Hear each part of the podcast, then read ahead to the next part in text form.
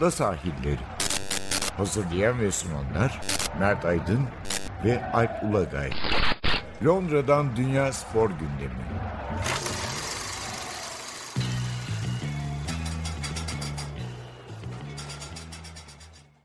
Ada sahillerinden merhabalar. Ben Alp Ulagay. Ben Mert Aydın.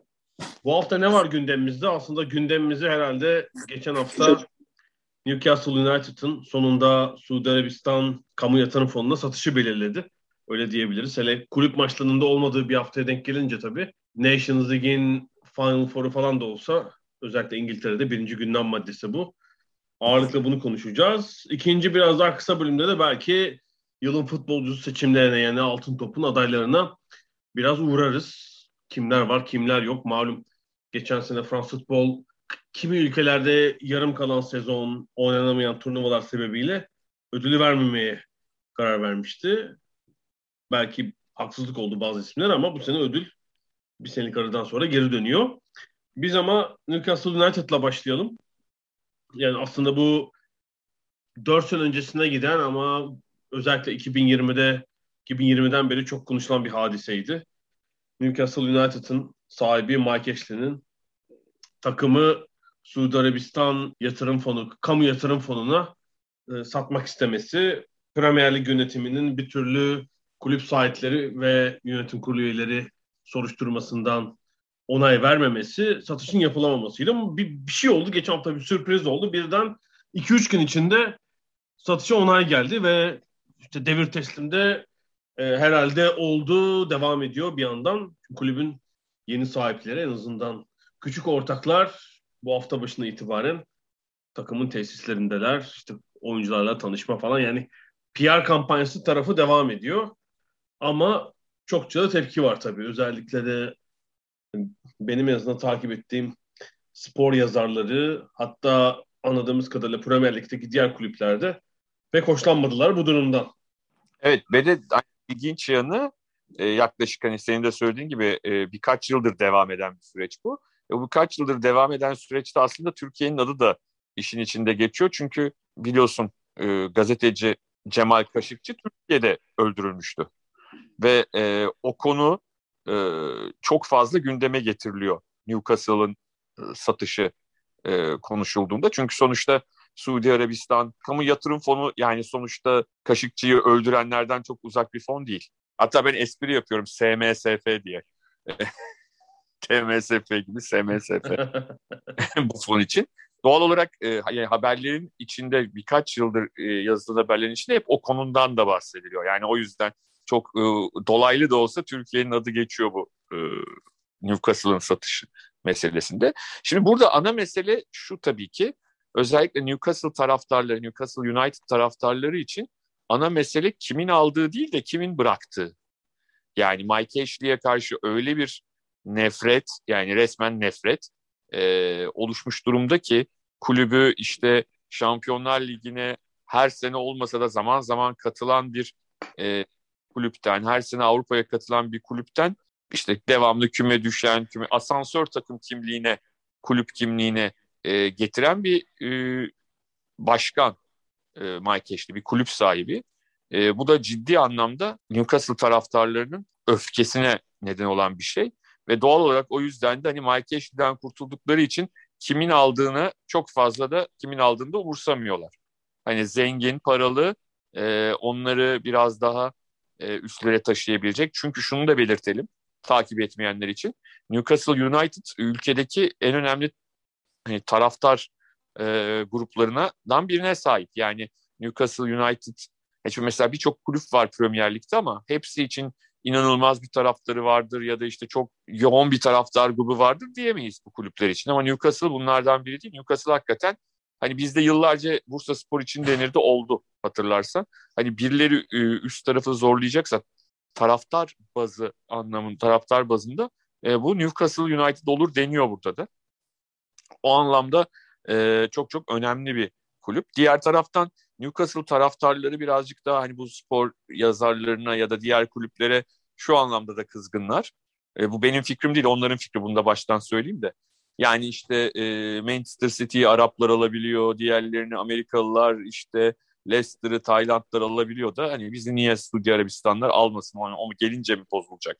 E, İngiliz futbolu ya da Avrupa futbolu. Onların kafasındaki şey bu. Ve o yüzden de hani buna itiraz edenlere ciddi anlamda kızıyorlar ve hani bizim Türkiye'de çok görmeye alıştığımız e, sosyal medya mesajları var. E, bunu söyleyenlere, Newcastle taraftarlarından. Evet yani Newcastle taraftarlarının bir sıkıntısı senin bahsettiğin gibi tabii. Hiç sevmedikleri kulübün sahibi Mike Ashley'di çünkü. Yatırım yapmıyor, taraftarlarla ilişkileri kötü, potansiyeli olan bir kulüp. Belki son 10 senede biraz yatırım yapsaydı, biraz daha iyi transferler, daha iyi tesis, antrenman tesisleri belki şu an hani demiyorum ki şampiyonluğu oynar ama belki ilk altı oralarda dolaşan bir kulüp olurdu. Şimdi bundan çok uzak can çekişen bir Newcastle United var. Yani Steve Bruce belki gönderecekler ama takımı kümede tutmakla bence önemli iş yapıyor yani. Hiçbir şey diyemem adama. Bu Yüzde... E, kapasitesi çok sınırlı takımı tutmakla. Bir de senin dediğin gibi bu İngiltere'nin kuzeyi artık denebilir. Elbette denir. O kuzey doğusundan büyük geleneği olan herhalde bir 3 takım falan 3-4 takım sayabiliriz. Onlardan biri ama çok uzun süredir başarısız. Gerçekten çok uzun süredir. Yani ulusal seviyede son şampiyonluğu 1955'teki FA Cup. 66 sene olmuş. Arada bir fuar şeyleri kupası kazanıyorlar 1969'da. Biliyorsun UEFA'nın kabul etmediği bir kupa artık. Kendi bilançolarında yok. Garip bir şekilde.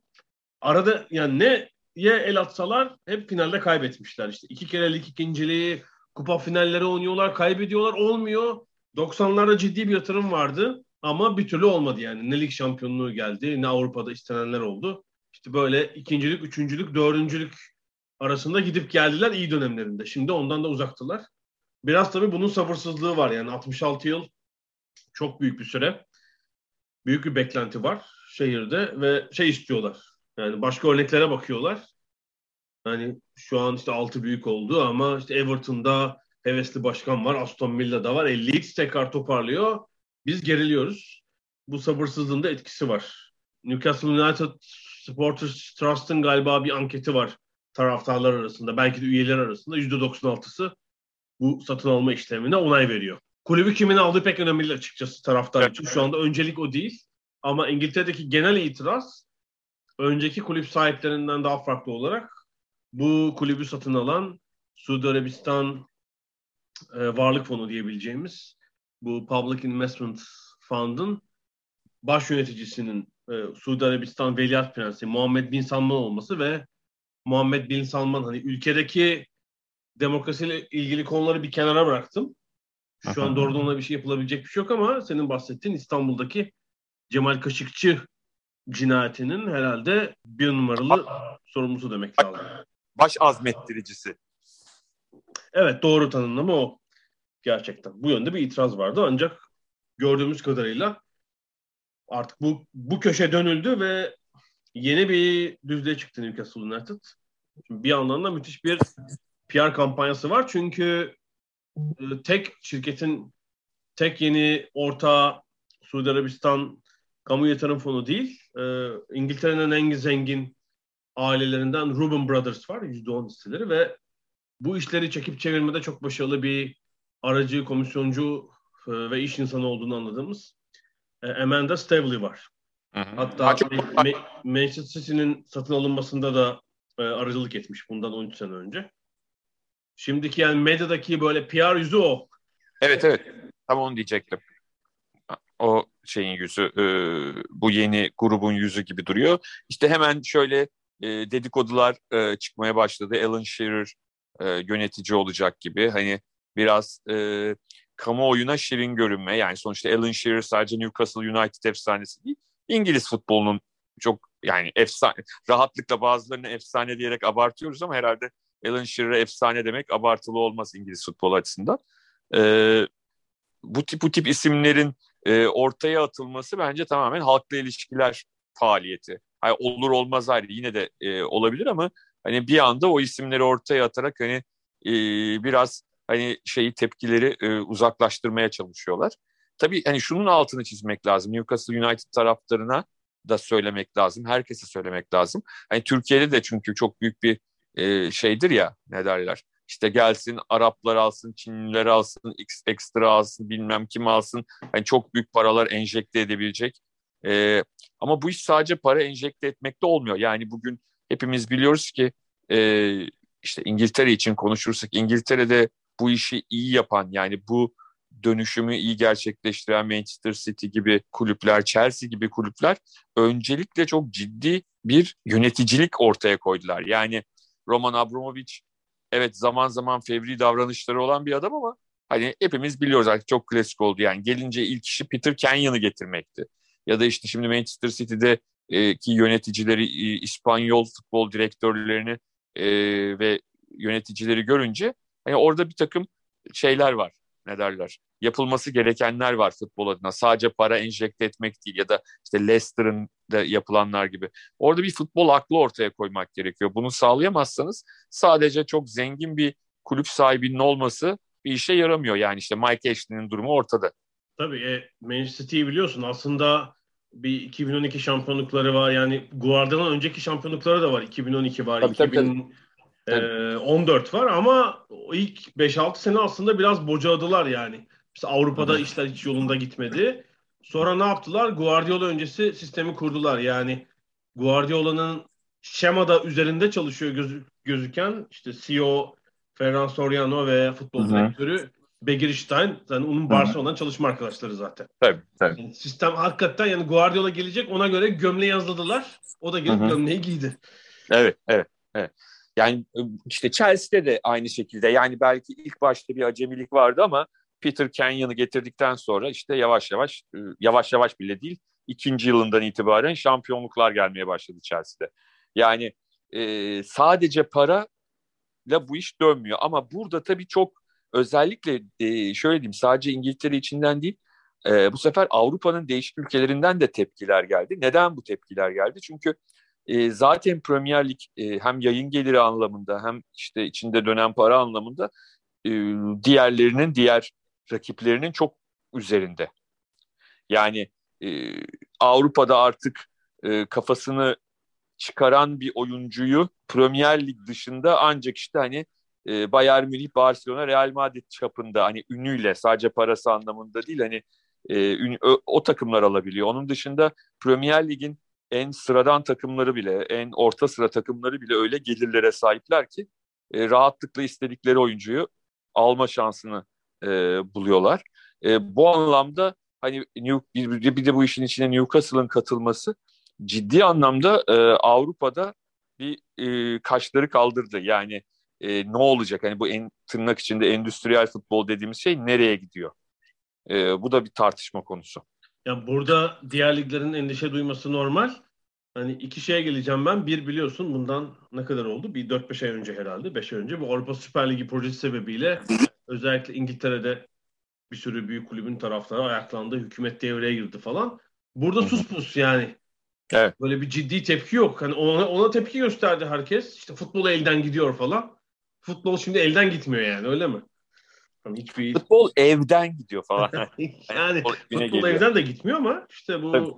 Premier Lig'in her tür yabancı sermaye, süper zengine kapılarını yıllar önce açmış olması zaten işin yönünü belirlemiş oldu. Çok daha 2003'ten beri yani Abramovich'in Chelsea alması bir dönüm noktasıydı aslında. İşte ne kadar sahipler ve yönetim kurulu üyeleri soruşturması yaparsanız yapın bir noktada onu aşmayı biliyorlar. İşte bizim fonumuzun yöneticisi Suudi Arabistan hükümeti değildir diyorlar Aha. falan atlatıyorlar bir şekilde o, e, o soruşturmayı. O ya hatırlarsan Arsene Wenger şeye çok e, sinirlenmişti hani Paris Saint Germain olayına ve hani bir kulüple değil bir ülkeyle bir devletle mücadele ediyorsunuz demişti Paris Saint Germain'den bahsederken. Katar ilişkisiyle ilgili. Katar, evet evet yani hani Katar devletinin hani Katarlı bir iş adamı değil yani. E, Paris Saint Germain'in sahibi sonuçta. E, o bir şekilde hani e, konuşulabilir. Yani Roman Abramovich Rusya devleti değil mesela. Tamam hani bir milyarder bilmem ne bin tane şey söyleyebilirsiniz ama hani Rusya devleti birebir e, değil ama e, Paris Saint Germain'de öyle bir durum var. Şimdi Suudi Arabistan e, Newcastle ilişkisi de buna doğru gidiyor. Evet Körfez'de birazdan mantık farklı tabii yani Manchester City Paris Saint Germain'den sonra da Newcastle United'da benzer bir örnek görülebilir. Şimdi diğer ligler için tehlike ise şöyle geliyor. Zaten Newcastle United'ın öyle hani hemen 1-2 yılda zirveye oynayacağını, şampiyon olacağını ben tahmin etmiyorum. Yani biraz artık Premier Lig'de köşeler tutulmuş durumda. Yani buranın bir işte altı büyüğü var. Özellikle dördü şu anda bayağı hmm. hakim duruma. E, o yukarıya çıkmaya hevesli işte bir takım başka takımlar var. West Ham gibi, Everton gibi, Aston Villa gibi para harcamaya hevesli, büyük stada sahip, büyük taraftar kitlesi sahip takımlar var. Yani onların arasına girmek bile e, hemen tabii. mümkün olmayacaktır. Ama ama tabii muhtemelen yani hani dedikodular üzerinden de konuşursak hani Premier Lig'de e, başarılı olmuş işte genelde gittiği kulüplere hemen başarı kazandırmakla ünlü e, Conte gibi bir teknik direktör getirebilirler. Onu da hani bu senenin ortasında getirirlerse sene bitene kadar e, bir plan program çıkarır ve gelecek sene için çok iyi bir takım kurabilir. Bu, e, yani çok yaşamadığımız şeylerdi de onun için söylüyorum ama normali senin dediğin gibi olması. Yani öyle hemen bir günde iki günde e, bir yıl içinde e, öyle bir takım ortaya çıkarmak zor ama işte doğru adamları getirerek, doğru isimleri getirerek e, belki bir e, öncesinden de, gelecek sezon öncesinden de e, onun planına başlarlarsa bir yerlere gelmeleri, şampiyonla oynamasalar bile mümkün olabilir. En azından gelecek sezon küme düşme tehlikesinin uzağında olurlar. Ya bu sezon kritik yani. Bu sezon ciddi ciddi küme düşme adayı. Newcastle United yani şu bilmiyorum Bruce hemen yollayacaklar mı ama yani devre arası hemen böyle bir makyaj lazım. Belki evet. on transfer değil ama yani işte bir forvet, bir önemli 3-4 transfer yapıp en azından ligi bir garanti ligde kalmayı bir garantilemek evet. lazım tabii ki. Yani Şöyle bunu... bir şansları var. Biliyorsan şu anda İngiltere Ligi'nde e, birkaç takım ya da 6 takım değil mi? 5-6 takım çok kötü başladı. Evet. Hı hı. Yani hani azıcık bir küçük bir e, şeyle aralarından sıyrılmak mümkün olabilir. Yani böyle bir üst üste iki maç kazanabilecek herhangi bir takım o şeyde e, alt grupta kendini orta sıralarda bulabilir. Evet, yani mesela Callum Wilson'a güveniyor iki senedir Newcastle United. Evet. Bir milli takım seviyesinde olmayan iyi bir lig golcüsü ama işte bu sezon sakat falan. Yani oraya alınacak aslında bir e, iyi forvet takımı ikinci ligde ligde tutacak goller atabilir ama benim söylediğim şu para da olsa tabii, büyük tabii. harcama da yapsalar e, istedikleri tabii. oyuncuları alabilecek prestij ve güçte değiller yani sadece evet, tabii, o da değil yani. Doğru. Chelsea'nin, City'nin, Paris Saint Germain'in elindeki oyuncuları alamazlar ki zaten böyle bir 7-8 büyük kulübün elinde toplanmış durumda oyuncular. Biraz yani bu özellikle 2023'e kadar belki yani bir, bir buçuk sezon biraz bu takımlarda hayal kırıklığına uğramış oyuncular işte Lingard mesela. Ya da ya da şöyle söyleyeyim ben biraz daha fanteziyi büyüteyim mi? Mesela işte Lewandowski gibi yaşı yavaş yavaş ilerleyen harika bir oyuncu ama hani benim bir, bir, bir, bir buçuk iki sene içinde Bayern Münih ondan vazgeçmek isteyebilir. Yaşı ilerlediği için. Yeterince yararlandık deyip o tarz bir oyuncu olabilir mesela. Yani ikna edebilirlerse tabii. Çünkü hani işte bir iki sezon hiç yani gelecek sezon zaten olmaz da sonraki sezon da biraz şüpheli. Hani Avrupa'da hiç oynamayacak bir ama işte e, o, o arada şey de ne derler hani Lewandowski'nin de yaşı Hı. uygun. Hani bir de İngiltere'de şansımı deneyeyim. Evet, mesela gelecek yıl sonbahar 34 yaşında olacak artık. Belki hakikaten. Tabii tabii. İşte öyle yani. Böyle bir şey denenebilir. Böyle bir şey denenebilir. Ben, ben, ben şey mi yapsam ya? Danışmanlık mı yapsam Newcastle'a böyle Lewandowski'yi alın onu alın bunu Parça alın. başı. Parça başı. Parça başı. Stajyer olarak da beni alırsan sevinirim. Tabii. Müller'le Lewandowski'yi birlikte alsınlar işte. Yaşları da geldi. Evet yani Chelsea, Abramovich Chelsea'de bu işi yaptığında tabii işleri biraz daha kolaydı. Yani bir böyle bir futbola dışarıdan gelen böyle bir sermaye henüz yoktu, yoktu Avrupa'da. E Chelsea zaten onun öncesindeki 5-6 yılda da işte İngiltere'de kupaları oynayan, kupa kazanan, Şampiyonlar Ligi'nde oynayan bir takımdı. Hani Doğru. final, da, e, yarı final mi oynamıştı? Yani yukarıları oynayan bir takımdı. Artı bir tabanı vardı yani Chelsea için vardı, söylüyorum. Artı Manchester United ve Arsenal dışında da çok az da Liverpool. Ama Manchester United ve Arsenal dışında da ligi domine eden başka takım yoktu zaten. Evet, mesela City için de böyle oldu. City 2008'de aldılar. Yükseliş değil mi? Mancini'nin gelmesi 2010 11'den sonra. E tam evet. ne oldu? İşte bir United var. Arsenal düşüşe geçmişti. Liverpool'un kötü yönetildiği dönem. E, Chelsea'de biliyorsun zaten böyle bir iniş çıkışlıdır hep. Yani bir şampiyon olursa ikisi evet. de kötü. City'de öyle bir dönem yakalamıştı. Şimdi yani o dediğim gibi ilk dört şu an kapalı gibi mesela yani oraya girmek çok çok zor ki işte arada Arsenal var, Tottenham var. Diğer oraya hevesli takımlar var. Ee, kolay olmayacak. Ee, ama çok ciddi bir maddi güçleri var. Onun bir kısmında zaten herhalde e, tesis yatırımlarına, işte oyuncu yetiştirme yatırımlarına falan kullanacaklar. Evet. Muhtemelen ilk yapacakları işlerden biri sanıyorum antrenman tesisleri eskimiş. Herhalde onu yaptırmak olacaktır. Ee, stadı bilmiyorum zaten 54 binlik stat. Hani bakımsızlık, bakımla ilgili bir sorun varsa bunu giderirler ama şu an herhalde kapasite büyütmeye Bence de gerek yok. Tahmin ediyorum. Tahmin ediyorum. E, Ashley'i gördün mü? Bundan sonraki hevesi neresi? Yok görmedim. E, Derby County'nin peşinde o da. ha. Ya abi hala bu iştesin ya. Yani gerçekten zaten buradan hani kendi de herhalde memnun değildir. Yani o Newcastle aslında heveslendiği, sevdiği için almıştı ama bayağı yani veriştirerek gönderiyorlar oradan. İşte oradan aldığı 300'ün herhalde bir kısmını yakmak istiyor. Öyle anladım ben. Çünkü Derby County çok problemli yani Championship'te. Kayyuma devredildiler.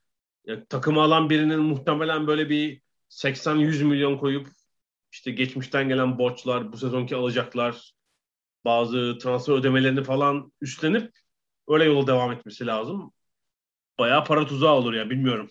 Bu kadar Newcastle United'dan dertli ayrılan biri bu işe girmemeli sanki. Bilmiyorum. Futbol adına da belki girmese daha iyi olur bilmiyorum. Yani kendi adına bilmem de. bir iki küme düşürüp bırakır. Zaten ilerleyen hani Hı. haftalarda bir şeyler oldukça ekleyeceğiz artık üstüne. Evet ilginç. Özellikle herhalde herkes transfer dönemini bekleyecektir. Peki e, bir e, kısa ara verelim. Evet. Aradan sonra da altın top ödülleriyle devam edeceğiz.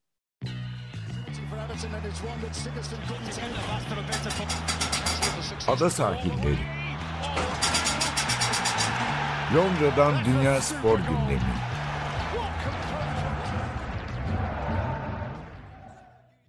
Ada sahillerine devam ediyoruz. Biraz daha yılın futbolcusu ödüllerini konuşalım.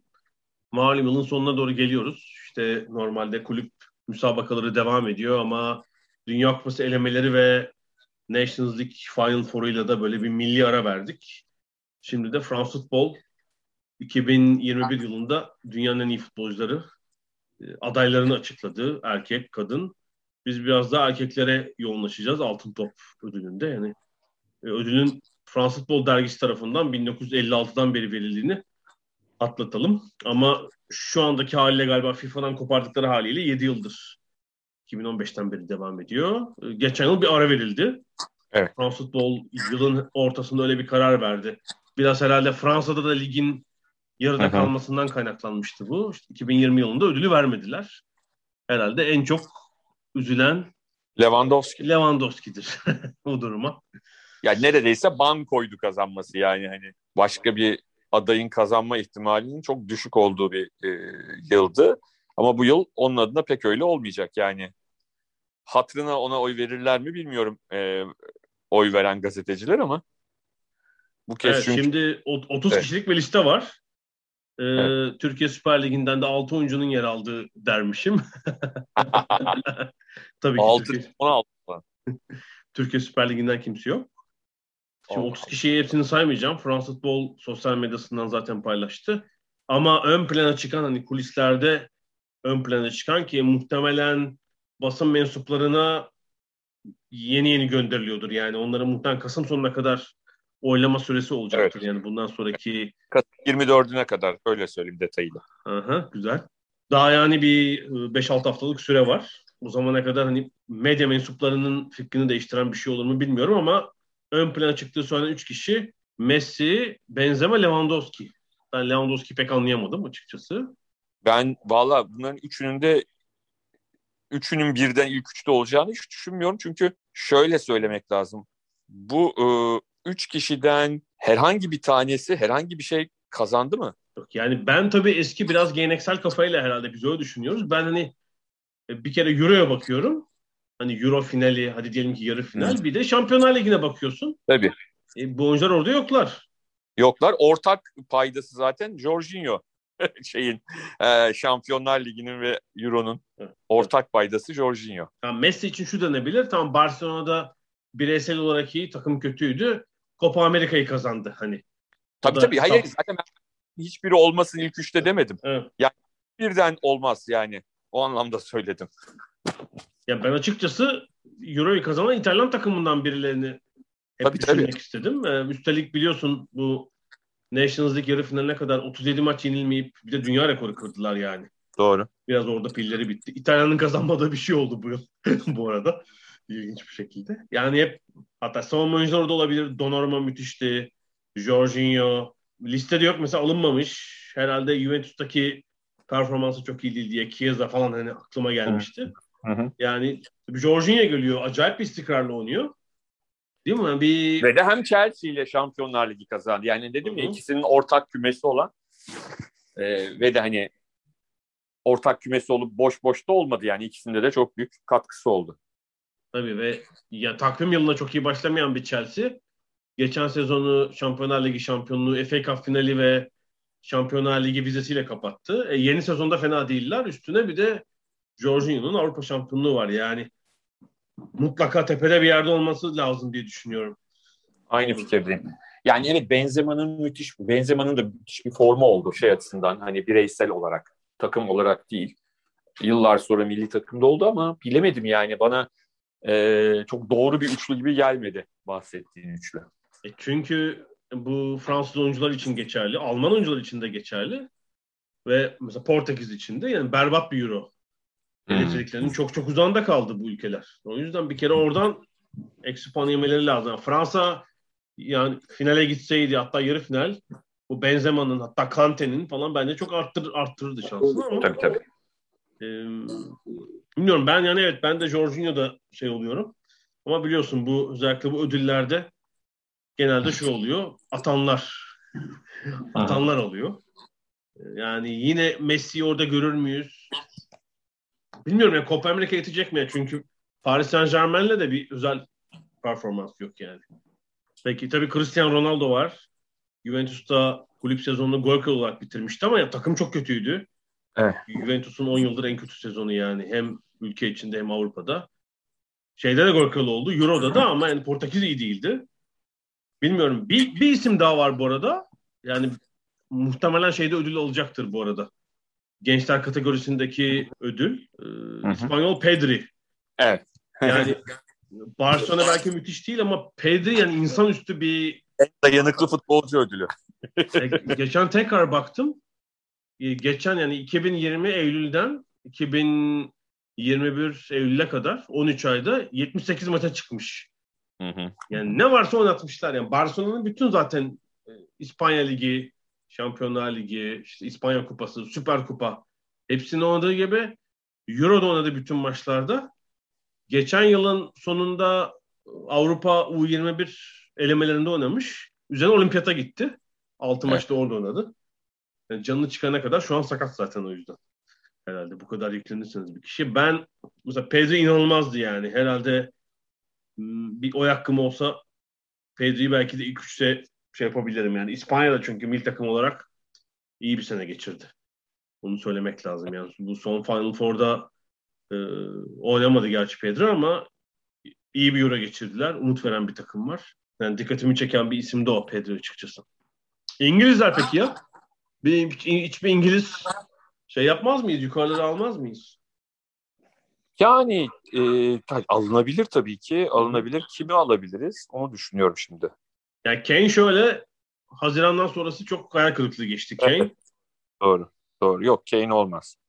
Yani Kane. Ster- Sterling için Sterling. de öyle sanki. Evet. Değil mi? Yani Avrupa şampiyonası anlamında evet Sterling. Ama sonrası yani yok hani şampiyon Evet. takımında yedek. Yoksa stili oyuncuları yine hesaba katmak lazım işte. Açık ara lig şampiyonu oldular. Şampiyonlar Ligi finali. Burayı şey yapmak lazım. Hmm. Ee, yani İngiliz, Evet, İngiliz bana- oynayan Yani- oyuncular var da İngiliz oyuncu yani mesela Yani- Maguire, Calvin Phillips falan da yok listede. Hani hem ligde hem Şampiyonlar Ligi'nde hem e, Euro'da hepsinde birden iyi oynayan var mı? Onu sormak lazım. Hani ayrı ayrı hepsinde iyi oynayan var da çok zorlama olur gibi geliyor bana. Yani dikkatten kaçmasın. Lukaku yani acayip bir aslında Evet. sene geçirdi. Yani bir şey kazanamadılar. Euro'da belki çeyrek finale kadar gidebilirler ama hani Inter'de iyi, Belçika'da etkili. Chelsea'de de son birkaç hafta biraz golcülük anlamında bocalasa da oraya da iyi başladı. Ee, o olabilir. Sanki yani kendi bir üçümü yapsam şimdi bakıyorum yani Jorginho em, ardından Pedri, Lukaku gibi sürpriz bir üçlü yapabilirim mesela. Vallahi bilemedim. Ben Jorginho yaptım. Arkasını çok dolduramadım. İngiliz yani Phil Foden var mesela. Evet ama o da Euro'yu e, pek iyi geçiremedi. Evet değil mi? Yani şey kaldı. Ee, Yani çok iyi bir lig geçirdi. Çok Hı hı. iyi Şampiyonlar Ligi geçirdi ama sezona da iyi başladı. Bu sezona Yani. da iyi. tabii sonbaharda da iyi ama Euro'da genellikle yedek kaldı maalesef. E, bir sakatlık da geçirdi. Hı. E, oynadığında da çok etkili olamadı. Bir direkten dönen maç e, pozisyonu var. Senin maçta mıydı o? Senin gittiğin Hırvatistan maçı mıydı? Evet evet. Hmm. Yani onun dışında Euro'da çok fazla varlık gösteremedi. Evet mesela Grealish hiç yok. 30 kişi arasında bile yok Grealish'te. Pogba yok, Grealish yok. Böyle bir de eksikler var. Açıkçası ama işte genelde yani bu şeyin eğilimi ya aday listesinin zaten iş ortaya çıkıyor yani 30 kişi var 15'i forvet 9'u orta saha ki bunlar genellikle hücumu dönük orta saha oyuncuları.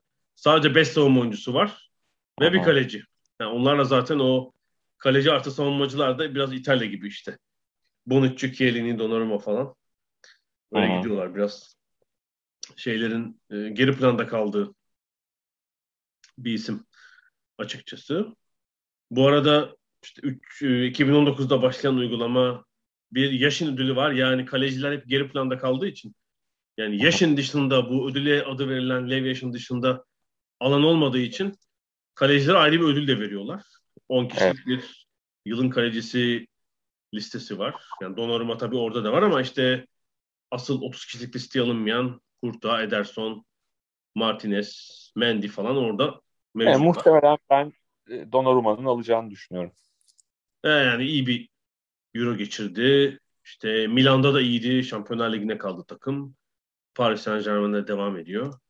Onu herhalde Donnarumma'nın alması lazım. Hani bu sezon Evet. için konuşuyoruz. Tabii çok iyi kaleciler Tabii. var. Bir de Copa ödülü var. Genç oyunculara verilen yani 21 bu yıl Hı hı. sonunda 21 yaşının altında kalan oyunculardan oluşan 10 kişilik bir liste. Mesela Pedri orada da var.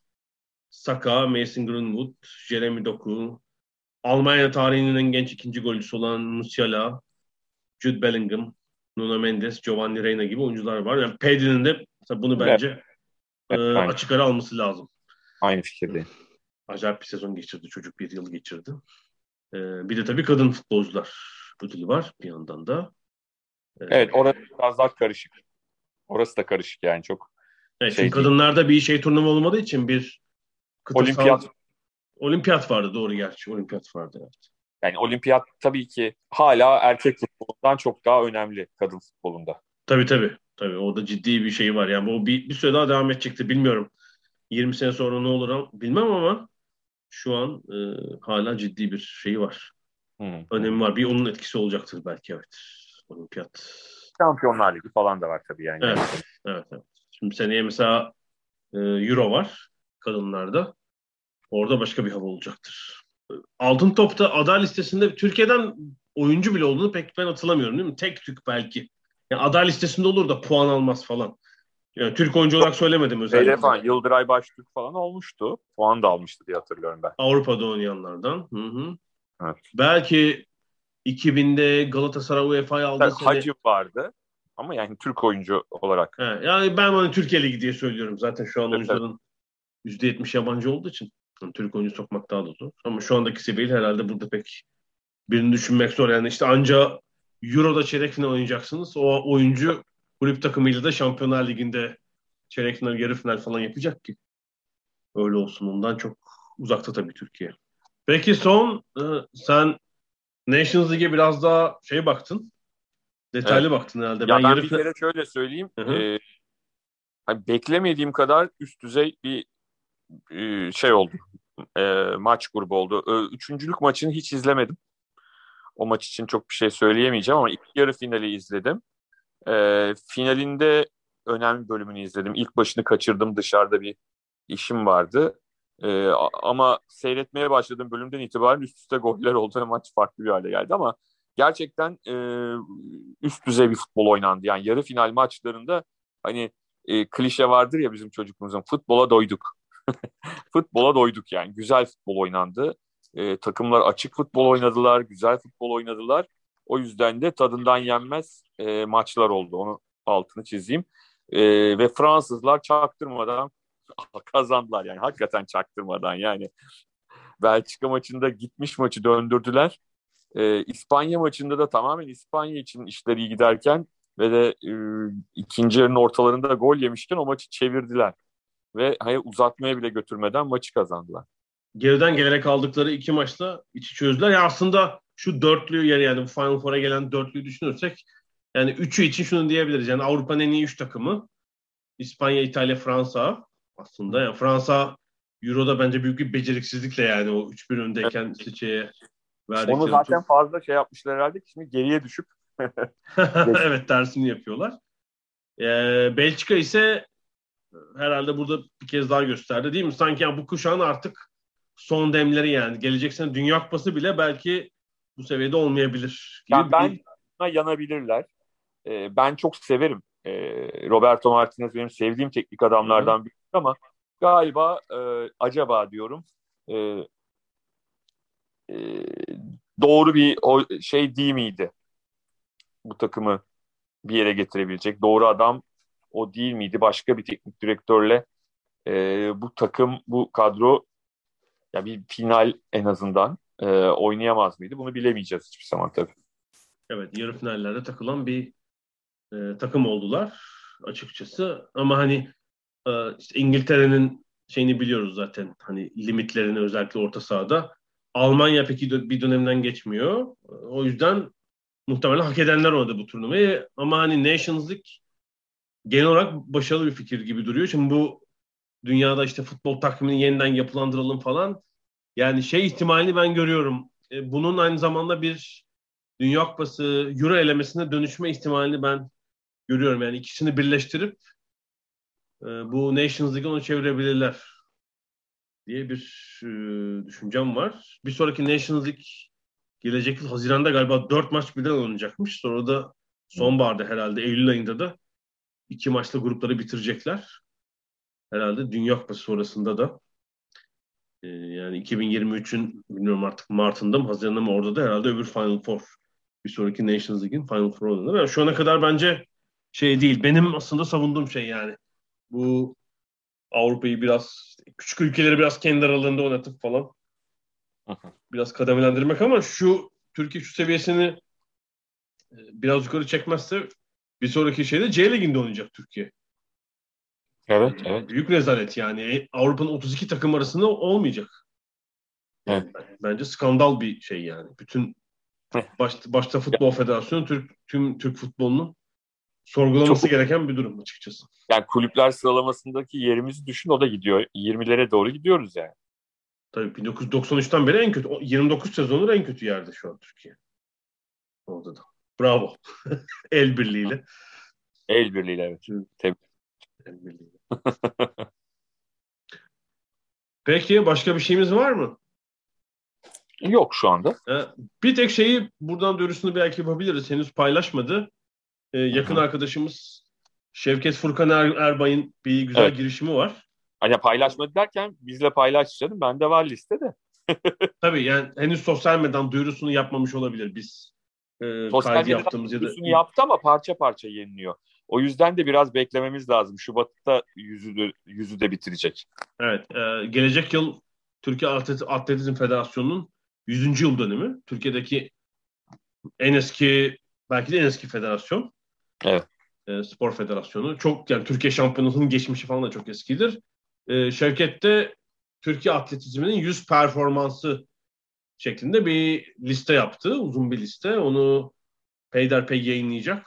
Ee, acayip emek var arkasında. Yani Tabii. Şevket'in ne kadar atletizmi sevdiğini ve bildiğini biliyoruz. Ama bu üzerine daha da uğraşmış ve 100 yılı içeren e, çok farklı kategorilerden, farklı dönemlerden atletlerin yer aldığı bir liste yapmış. Onu Ya paylaşacak. şöyle- Yani mesela e, ille de en üstteki adamın derecesinin e, en iyi derece olmasına gerek yok o dalda Türkiye içinde. Yani o yapıldığı yılki, yapıldığı yarışmadaki durumu önemli. O şekilde sıralama var. Yani e, o sırada işte yapıldığı sırada e, dünyadaki yeri o derecenin e, yapıldığı yarışmanın önemi, yani bunların hepsinin e, değerlendirildiği bir sıralamadan bahsediyoruz. O yüzden de inanılmaz derecede zor bir sıralama. Tabii yani 100 yap, mesela 10 yapmak tamam onu yaparsam 100'ü çıkarmak gerçekten çok yani atletizm Türk atletizm tarihinin 100 yılına hakim olmak lazım bunu yapabilmek için gerçekten. O da önce Şevket gibi bir çılgının yapabileceği bir iş zaten. Evet, evet. Yüzde yüz, yüzde yüz, yüzde yüz. Tebrik ediyoruz. Eline sağlık. Biz de hem kendi hesaplarımızdan hem de Ada Sahilleri hesabından zaten paylaşırız o yayınladıkça. Peki bu haftalıkta teşekkür ediyoruz. Gelecek haftaya görüşmek üzere. Buluşmak üzere. Hoşçakalın.